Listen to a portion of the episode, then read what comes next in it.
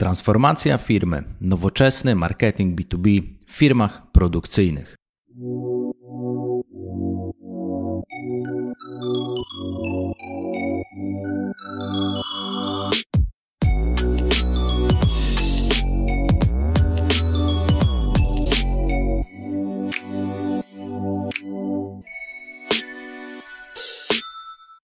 Cześć, z tej strony Dawid Bagiński, twórca podcastu Marketing, Sprzedaż i Biznes z Dawidem Bagińskim. W dzisiejszym odcinku porozmawiamy o transformacji firmy, czyli o filarach nowoczesnego marketingu B2B w firmach produkcyjnych. Jeżeli Twoja firma boryka się z niezadowalającymi wynikami marketingowymi, które wpływają na obniżenie sprzedaży lub jej stagnację od dłuższego czasu, to ten odcinek jest właśnie dla Ciebie. W nim opowiem, jak przygotować koncepcję transformacji firmy, aby Twoja firma weszła na wyższy poziom. Opowiem o takim roadmapie, o takim roadmap dla dyrektorów marketingu i właścicieli firm produkcyjnych. Odcinek pierwotnie miał składać się z jednej części, jednak ilość materiału, który chcę Wam przekazać, jest spora i niesamowicie wartościowa, więc postanowiłem podzielić ten odcinek na dwie części aby po pierwsze fajniej się słuchało tego odcinka, nauka nie była zbyt wymagająca czasowo, a dodatkowo będzie też czas na przemyślenia przed kolejną częścią. Więc jak widzicie same plusy. Dlatego dzisiaj opowiem o czterech z dziewięciu elementów koniecznych do zaplanowania w transformacji marketingu, a w kolejnym odcinku opowiem o pozostałych pięciu. I zrobimy sobie taką miniserię porad na temat transformacji marketingu B2B w firmach produkcyjnych. W takim razie zaczynajmy. W poprzednim odcinku opowiadałem o siedmiu błędach popełnianych w firmach produkcyjnych, które realizują nowoczesne działania marketingowe, a raczej próbują bez efektów. Jeżeli nie słuchałeś tego odcinka, to serdecznie zapraszam Cię do jego wysłuchania. Warto najpierw posłuchać go i wrócić do tego odcinka. Poprzez błędy omawiane w poprzednim odcinku zrozumiesz, dlaczego dział marketingu nie dowozi nie dowozi jakościowych lidów do działu sprzedaży.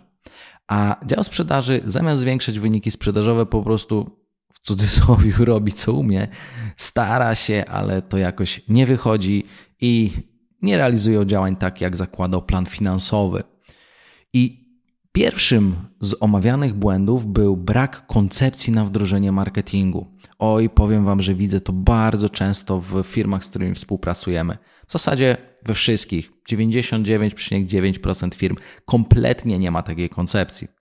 I obiecałem w poprzednim odcinku, że rozwinę ten temat, więc dzisiaj go poruszę, ponieważ uważam, że jest on niezwykle istotny i bardzo ciekawy przynajmniej dla mnie. Zobaczymy, czy dla Ciebie. Ja jednak uważam, że jest to niesamowicie ważna wiedza, a co więcej, nieprzygotowanie właśnie koncepcji wdrożenia marketingu w firmie, czyli takiej roadmapy, kończy się w firmach tym, że budżety zostają wydane i finalnie kończy się na przykład na dwustro- trzystronicowym raporcie w Wordzie albo w PDF-ie z działań. Cały rok pracowaliśmy, oto dwie strony y, naszego raportu, y, który tak naprawdę pokazuje zasięgi czy lajki albo wydany budżet, czyli wszystkie tak zwane gównowskaźniki, y, z których po prostu jednoznacznie wynika, że efektu żadnego nie ma. Moim zdaniem totalny dramat, da się to dużo lepiej zrobić. W takim razie, jak podnie, podejść do transformacji firmy? Na początek zaplanujmy całą koncepcję zmiany. W takim razie, jak podejść do transformacji firmy? No po prostu trzeba tą zmianę krok po kroku dobrze zaplanować. I pierwszym elementem, który należy wykonać, to jest audyt całego działu marketingu i wszystkich działań, jakie osoby pracujące w, w tym dziale marketingu wykonują. Przede wszystkim zacznij od audytu swoich pracowników. Ustal, jakimi zadaniami się zajmują, jakie są efekty tych działań i czy działania te realizowane są zgodnie z wyznaczoną strategią.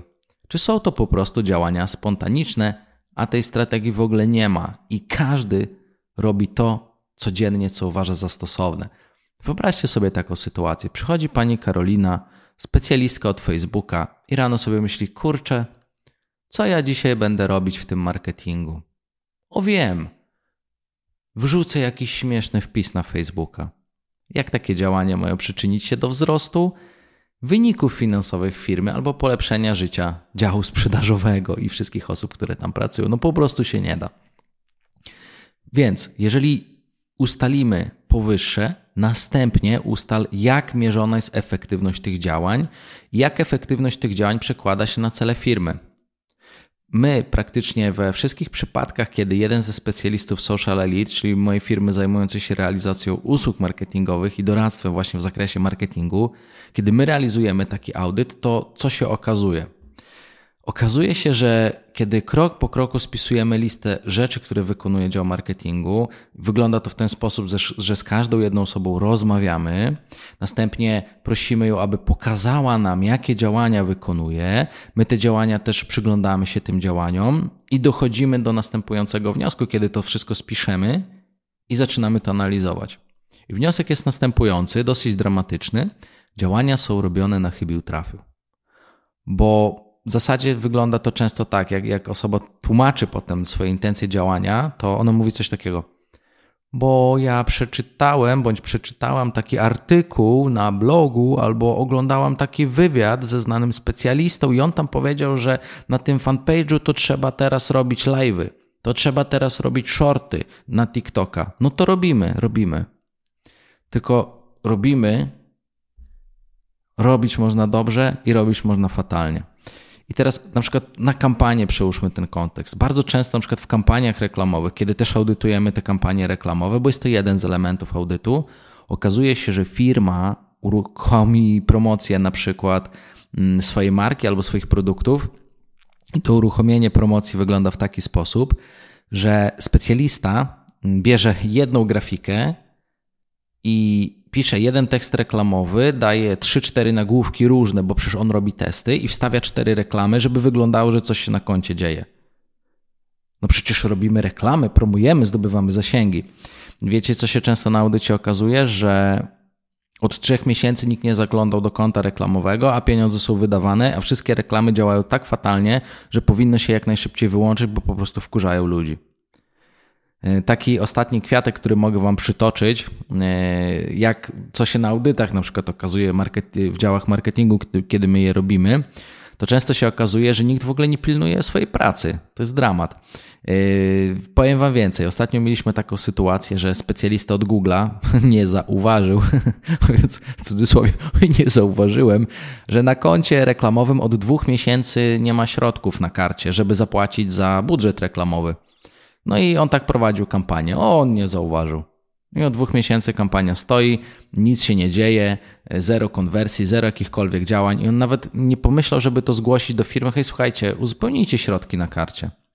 Więc zrobienie audytu działań pozwala od razu, po pierwsze, usunąć nieefektywne działania, wyłapać takie buble, na które przepalacie bardzo dużo pieniędzy i przede wszystkim też odzyskać czas w organizacji i odzyskać miejsce do zmian bo zmiana zawsze oznacza to, że będzie trzeba nowe działania wykonywać, które oczywiście pochłaniają czas.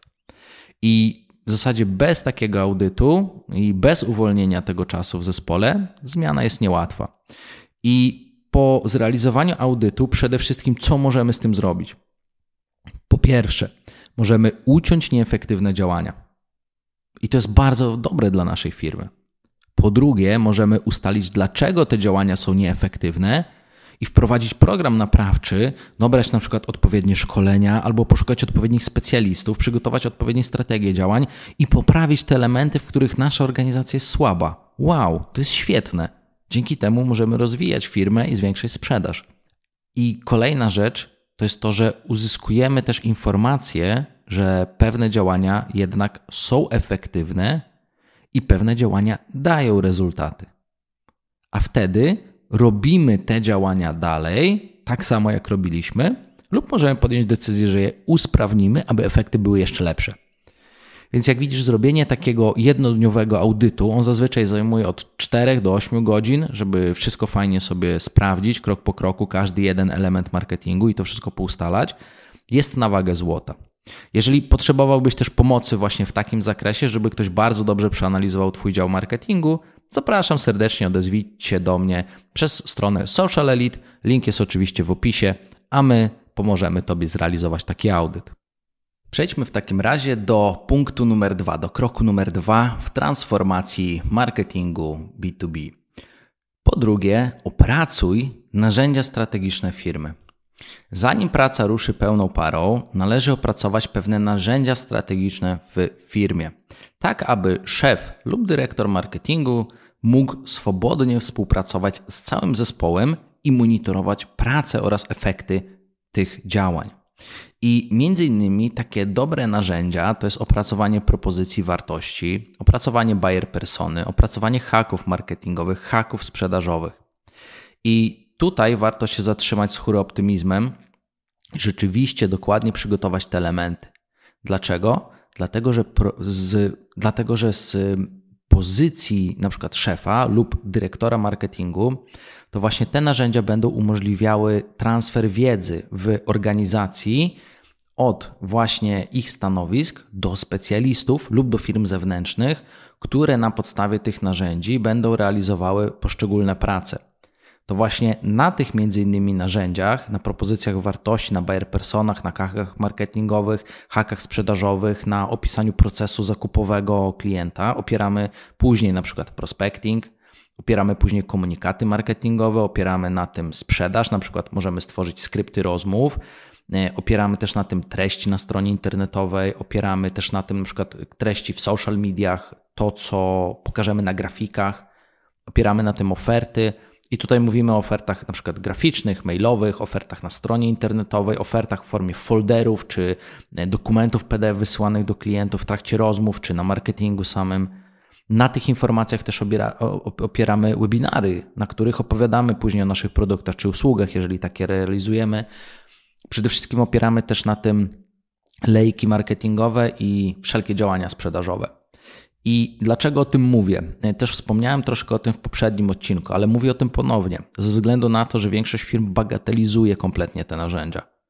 Ja nie wyobrażam sobie pracy w marketingu bez posiadania tych narzędzi, bez posiadania opisanych właśnie tych wszystkich elementów. Teraz pytanie dlaczego?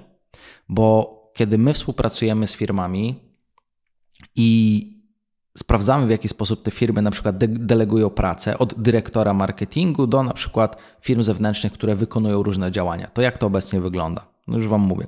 Dyrektor marketingu wpada sobie na jakiś pomysł, zróbmy reklamę w Google lub zacznijmy robić SEO, bo wszyscy je robią. I to, I to jest jego pomysł, to jest jego cała koncepcja. Wszyscy to robią, to i my to róbmy, bo konkurencja to robi.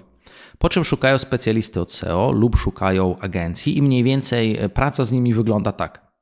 E, zróbcie nam SEO, bo potrzebujemy więcej wejść na stronę i w zasadzie na tym przekazywanie informacji do podwykonawcy się kończy. Lub na przykład dodają, jeżeli podwykonawcy pytają, dobra, ale co wy chcecie sprzedawać? Jakie macie przewagi konkurencyjne? W jaki sposób powinniśmy pisać o waszym produkcie? Co jest istotnego w waszym produkcie lub usłudze? Kiedy takie pytania padają w stronę e, właśnie firmy od pracowników czy specjalistów zewnętrznych, zazwyczaj słyszymy następującą rzecz. Wy tu jesteście specjalistami, przedstawcie strategię działań. I teraz, nawet jeżeli ktoś z Was tak robi, to powiem Wam, że jest to niedorzeczne i jest to ogromny błąd. I teraz, zanim się wszyscy zdenerwują, zadajmy sobie pytanie, dlaczego? Ponieważ osoba, która poznaje Twoją firmę od godziny, nie jest w stanie wygenerować jakościowych rozwiązań.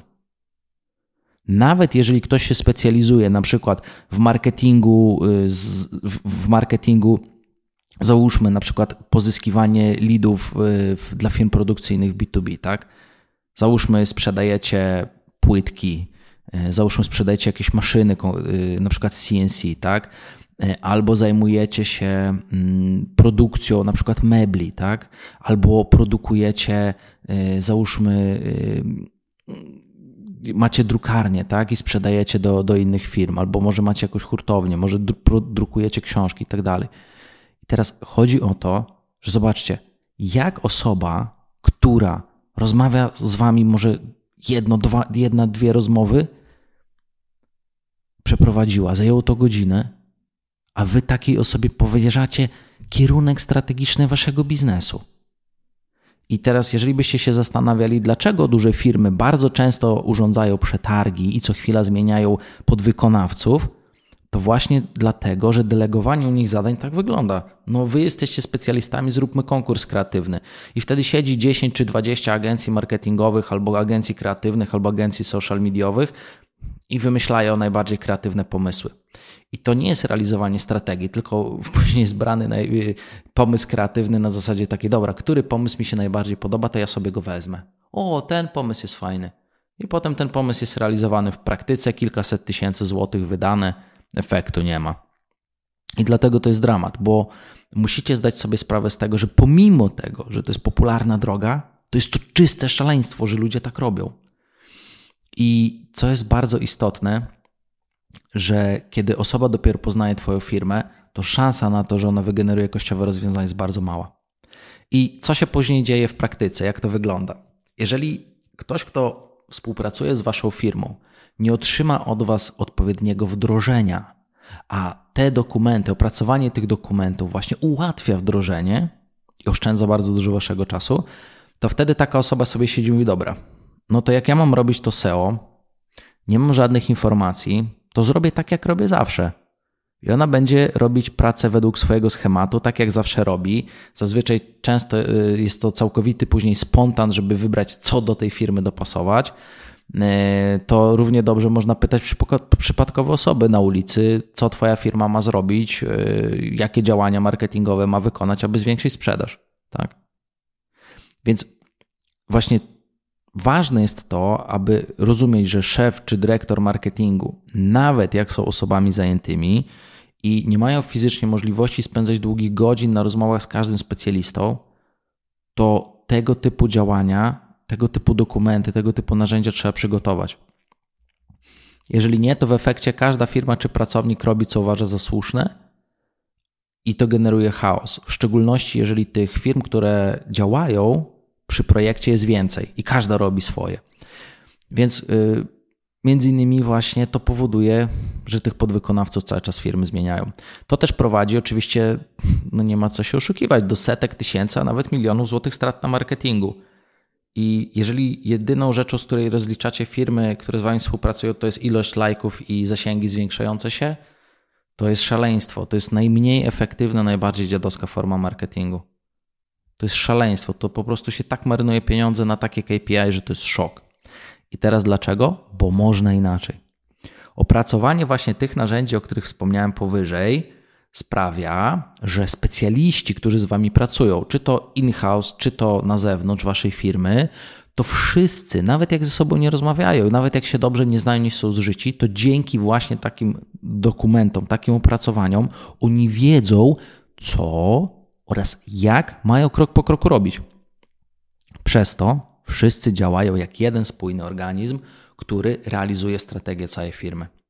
Często decydenci firmy, którzy odpowiadają za przygotowanie tych narzędzi, po prostu ich nie realizują. Tak jak powiedziałem, na 100 firm, jak my wejdziemy do 100 firm, to 99 z nich po prostu tego nie ma.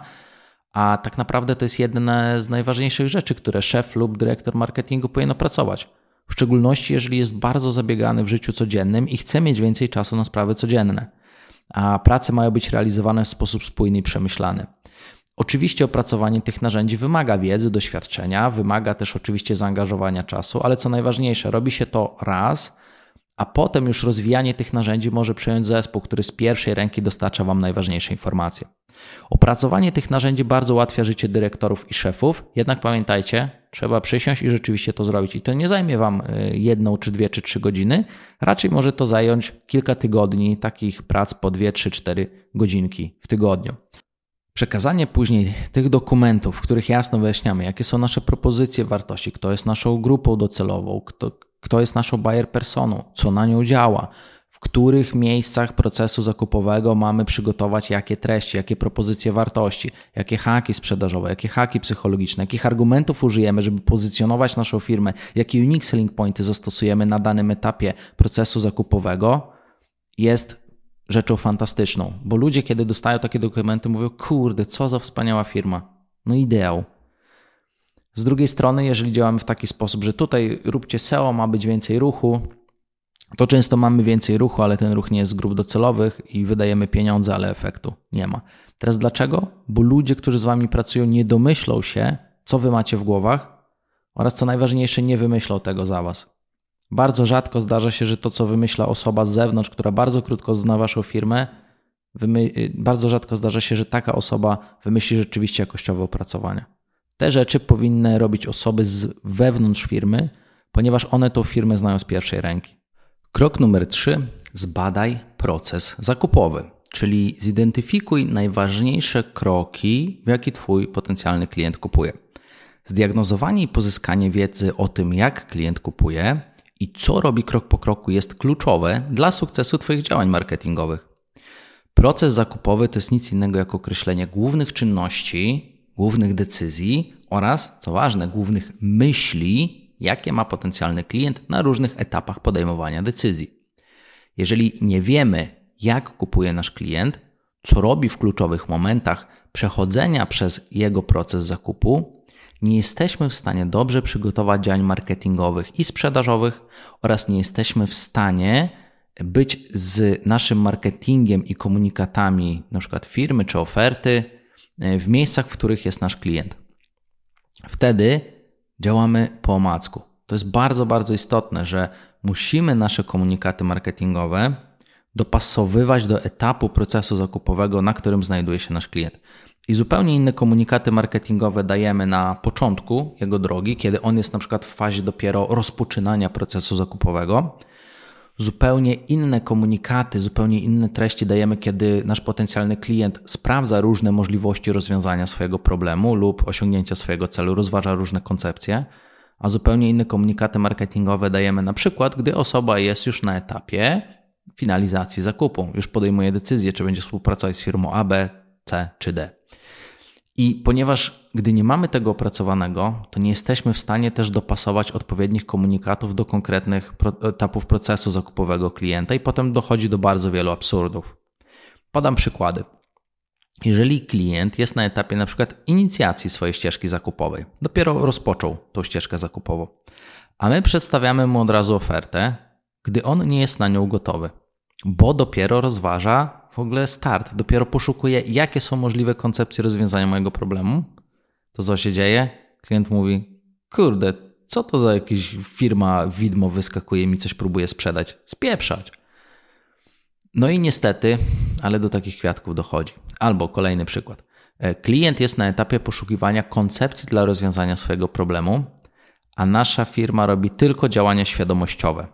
Nie przedstawia informacji, jaki produkt ułatwi życie klientowi, bo przecież oni pozyskują wejścia na stronę z SEO.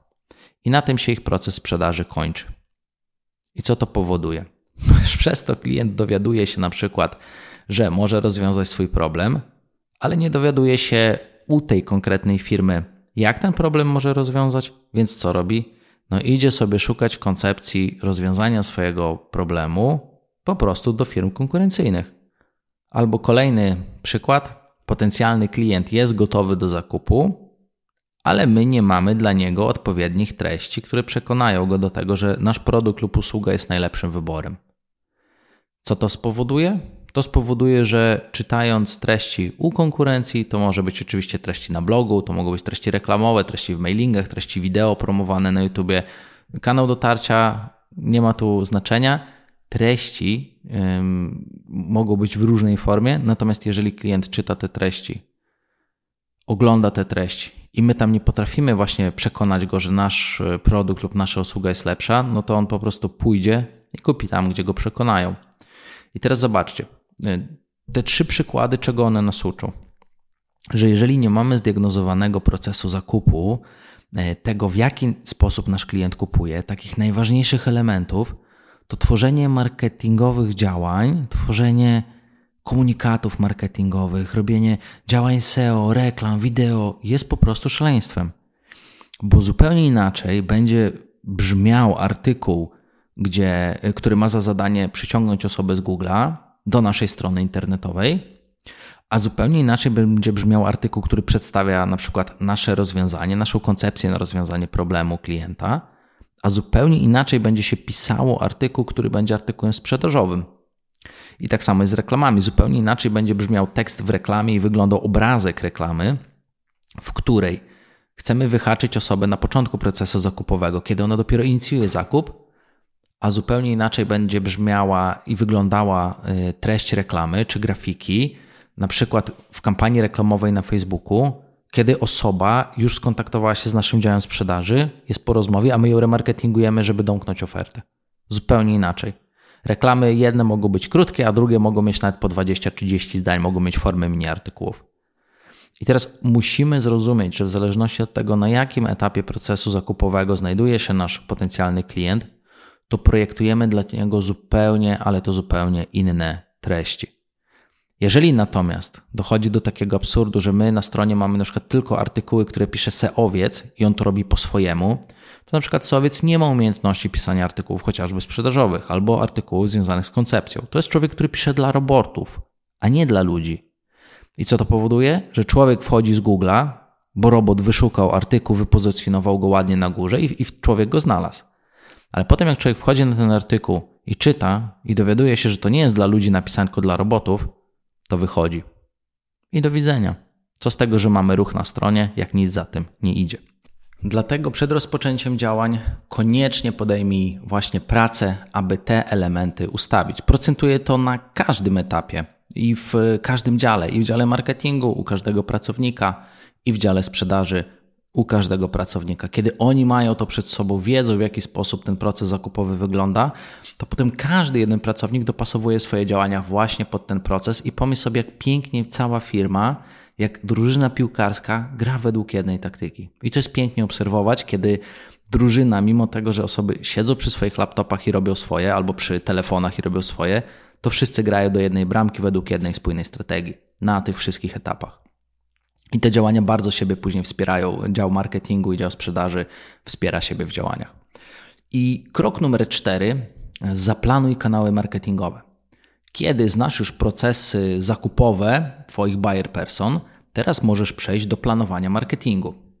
Na tym etapie wybieramy kanały marketingowe i określamy, na jakich platformach lub w jakich miejscach znajduje się nasz y, potencjalny klient. To wynika z zebranego, ze zbadanego wcześniej, y, po pierwsze, procesu zakupowego, a nie wynika to z naszej intuicji czy działań na ślepo. I po drugie, też wynika to, ten dobór platform wynika również z tego, że mamy te buyer persony opracowane. I teraz dopiero właśnie na tym etapie, zanim robimy przetargi, czy zanim będziemy zatrudniać firmy zewnętrzne do robienia nam Facebooków, LinkedInów, SEO, TikToków i tak dalej, to zanim w ogóle podejmiemy działanie, żeby coś zlecać, to na tym etapie po pierwsze ustalamy, czy na danej platformie znajdują się nasi odbiorcy i czy nasz proces zakupowy będzie, y, kiedy wpuścimy ich w nasz proces zakupowy, to czy rzeczywiście mamy potencjał do osiągania kolejnych wzwyżek finansowych. I to właśnie na tym etapie robimy następującą rzecz. Na tym etapie ustalamy, czy robimy reklamy na Facebooku, czy robimy reklamy na LinkedInie, lub gdzie zakładamy profile społecznościowe, je prowadzimy, czy robimy działania SEO, czy może idziemy w stronę webinarów i również których kanałów nie robimy, czyli też to, na co nie wydajemy pieniędzy i nie przepalamy czasu. I teraz co jest ważne? To, które kanały marketingowe użyjemy i na jakim etapie procesu zakupowego użyjemy y, właśnie danego kanału, jest kluczowe do sukcesu w marketingu i w sprzedaży. Tak się robi nowoczesny marketing i sprzedaż. I teraz kanały zawsze dobieramy w taki sposób, aby w danym kanale było możliwe po pierwsze dotarcie do naszych buyer person na różnych etapach procesu zakupowego. Warto przed zatrudnieniem na przykład firmy czy agencji marketingowej, czy też przed rzuceniem swoich pracowników na szkolenia, właśnie to zbadać, czy na danej platformie są nasi klienci. I teraz od razu powiem Tobie następującą rzecz doświadczone agencje od razu udzielą Tobie takiej odpowiedzi, ponieważ jeżeli przedstawisz się buyer persony, pokażesz im proces zakupowy, to można to bezpośrednio zbadać w algorytmach i określić potencjalną wielkość grup Twoich klientów. I teraz, y, dlaczego jest to możliwe? Y, ja Wam powiem to na swoim przykładzie. Ja, kiedy już prowadzę reklamy na Facebooku, w Google i tak dalej, od 2007 roku. I od 2007 roku robię reklamy właśnie między innymi w social mediach. Wiadomo, pierwszą platformą był Facebook. Drugi dzień, jak była reklama w Polsce dostępna na Facebooku, to już tam działałem. Wcześniej działałem głównie z Googlem i z banerami. I teraz zobaczcie, jeżeli ja mam już lat doświadczenia 16, to ja po prostu mam opracowane bardzo dużo grup targetowych i po prostu wiem, które grupy targetowe odpowiadają którym buyer personom, które się znajdują właśnie na Facebooku, czy na TikToku, czy na Pinterestie, czy jakie słowa kluczowe w Google poustawiać, żeby na przykład do takich buyer person docierać. I jak dużo właśnie takich osób też można pozyskać. Czyli da się bezpośrednio sprawdzić, jaka jest głębokość danego rynku. I teraz bardzo często jest tak, że klienci, potencjalni klienci, kiedy rozmawiają u nas w Social Elite z moimi sprzedawcami, z moimi doradcami, to my bardzo często dostajemy pytanie, zanim te firmy podejmą współpracę z nami, następujące pytanie: Słuchajcie, czy na Facebooku, czy na tej konkretnej platformie są moi klienci? I teraz, jak my mamy już duże doświadczenie, mamy przetestowane kilkanaście tysięcy pomysłów na targetowanie, mamy przetestowane wiele różnych projektów, to my wiemy później zero-jedynkowo, czy dany dla danego projektu te konkretne buyer persony się znajdują. No ale warunkiem jest też przedstawienie nam tych buyer person. I jesteśmy w stanie z dużym prawdopodobieństwem przed podjęciem działań określić, czy jest sens w ogóle daną platformę robić. I teraz, co jest jeszcze więcej, jesteśmy w stanie określić? Jesteśmy w stanie też określić, czy dana platforma jest lepsza do pozyskiwania osób na początkowym etapie lejka, czyli na tym etapie inicjacji zakupu, czyli na tych pierwszych krokach, kiedy osoba podejmuje decyzję, że wchodzi w ten proces zakupu. I też jesteśmy w stanie ustalić, które platformy są na przykład lepsze do końca procesu zakupowego, kiedy już osoba na przykład rozważa konkretne oferty, porównuje ceny lub ma pytania, wymówki i chce znaleźć na nie odpowiedzi. I teraz bardzo często jest tak, że na przykład platforma Facebook bardzo dobrze nadaje się do pozyskiwania ruchu, albo platforma Pinterest świetnie się nadaje do pozyskiwania taniego, jakościowego ruchu, a na przykład remarketing facebookowy albo remarketing Google Display świetnie nadaje się do domykania tego ruchu. Więc też ustalenie nie tylko na której platformie działamy, ale które platformy nadają się do pozyskiwania ruchu, które są lepsze do domykania ruchu jest kluczowe, które to są kanały. Na przykład bardzo fajnie działa pozyskiwanie ruchu na przykład z Facebooka albo z działań SEO, ale generowanie sprzedaży poprzez e-mail marketing. I w związku z tym właśnie ten dobór kanałów marketingowych, które będą używane na poszczególnych etapach procesu zakupowego jest bardzo istotne, bo to cholernie mocno zwiększa skuteczność y, całego procesu sprzedaży. I właśnie określenie tych potencjałów platform przed wystartowaniem, przed poszukaniem specjalistów pozwala uniknąć takiej sytuacji, że po trzech miesiącach dostajesz informację, no nie udało się, kilka, kilkanaście, kilkadziesiąt tysięcy w plecy. No i sorry. I to już jest czwarty krok, który właśnie przeszliśmy. Czwarty z dziewięciu elementów. Także gratuluję Ci serdecznie wysłuchania ich wszystkich i dziękuję za to, że to, co powiedziałem, było dla Ciebie na tyle ciekawe interesujące, że zostałeś do samego końca. Jeżeli miałbym tak od serca podsumować te cztery kroki przed przejściem do kolejnego odcinka, to powiedziałbym następującą rzecz. Opracowanie tych czterech kroków i pozostałych pięciu, o których jeszcze będę opowiadał, wymaga czasu i zaangażowania albo szefa firmy, albo dyrektora marketingu, a najlepiej całego zespołu, w skład którego wchodzą różne osoby z firmy. Zrobienie audytu całego marketingu zajmuje czas. Opracowanie narzędzi strategicznych też zajmuje czas. Określenie tego, jakie procesy zakupowe, w jaki sposób kupuje nasz klient, też zajmuje czas, wymaga pracy, wymaga główkowania i myślenia oraz planowanie kanałów marketingowych. Chociaż z tym jest trochę łatwiej, bo można to bezpośrednio zlecić do agencji, które mają doświadczenie i od razu uzyskujemy taką odpowiedź. I teraz, pomimo tego, że to zajmuje czas, to ktoś może powiedzieć, że to jest bardzo, ale to bardzo duży minus, bo przecież ja nie mam czasu. Słuchajcie, to jest ogromny plus. Dlatego, że jeżeli wszyscy robią rzeczy łatwe do skopiowania, to żadna firma nie ma przewagi konkurencyjnej. Ale jeżeli mamy firmę, która wykona pracę, której inne firmy na rynku nie wykonują, to ta firma zyskuje ogromną przewagę. Setki tysięcy oszczędzonych godzin, setki tysięcy, miliony złotych oszczędzonych pieniędzy, które nie są wydane na głupoty, nie są przepalone na beznadziejne KPI, takie jak zasięgi czy, czy lajki. Prawda jest taka, że zasięgi, jak chcecie mieć zasięg w firmie 500 tysięcy postów, albo milion, albo 10 milionów, albo 100 milionów, to ja mogę to zrobić bez problemu. Gwarantuję osiągnięcie konkretnych y, zasięgów. Wystarczy dać mi odpowiednią ilość gotówki i mogę wygenerować każdy zasięg. Więc, żeby rzeczywiście te działania marketingowe były skuteczne, warto po prostu w to czas zaangażować. I u mnie w firmie wygląda to tak, że my regularnie nad tym pracujemy. Regularna praca właśnie nad tymi elementami, nad tymi czterema elementami, jeszcze kolejnymi pięcioma, których opowiem w kolejnym odcinku, jest, jednym z jest jedną z najważniejszych prac, które należy wykonywać. Bo kiedy nad moimi projektami biznesowymi pracuje teraz kilkanaście osób, które nasze tematy social elite ciągną, ciągną też moje inne tematy, już tak Dawida Bagińskiego, przedsiębiorcy, poza tymi marketingowymi tematami. I później jeszcze mamy kilkadziesiąt osób, które wykonują usługi dla naszych klientów w ramach właśnie social elite. To ja wiem jedno. Ja nie muszę codziennie pilnować tego, co się dzieje w mojej firmie. Nawet nie muszę często tych osób na oczy widzieć przez tydzień, dwa, trzy tygodnie, bo kiedy sprawdzam po miesiącu ich pracę, to widzę, że te prace są robione dobrze, wysokiej jakości, z dobrą precyzją. I przede wszystkim te osoby, mimo że nawet mogą się na co dzień nie widzieć, to wszystkie osoby grają jak jedna drużyna, według jednej strategii do jednej bramki. Nie wyobrażam sobie sytuacji, w której mam zespół składający się z kilku czy kilkunastu osób i każdy gra swoje, bo to po prostu prowadzi do katastrofy.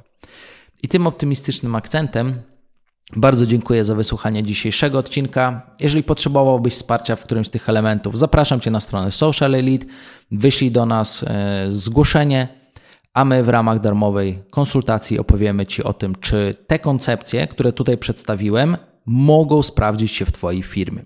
Jeżeli uznasz, że tak, to w ramach doradztwa pomożemy Tobie właśnie te poszczególne elementy opracować.